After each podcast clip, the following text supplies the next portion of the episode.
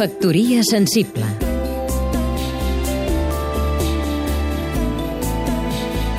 Oleguer Sarsenedes, periodista. Ara que tothom va piulant amb el Twitter amunt i avall, i per citar un clàssic modern que avui torna a estar de moda.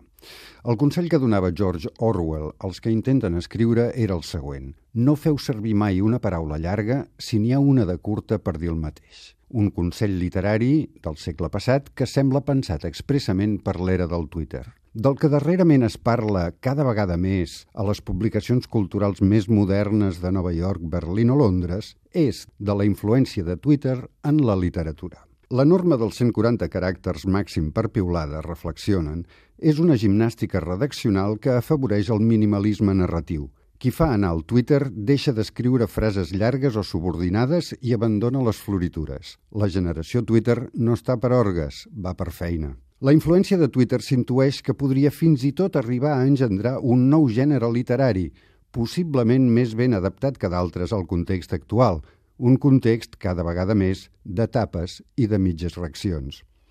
Aquest nou gènere vindria a ser, en estil narratiu, com aquella forma poètica tradicional japonesa, el haiku, un poema breu de tres versos de cinc i set síl·labes. El nou gènere literari de l'era del Twitter seria, per entendre'ns, una mena de haiku en prosa narrativa. I com li direm a aquest nou gènere? Twitteratura o literatwitter?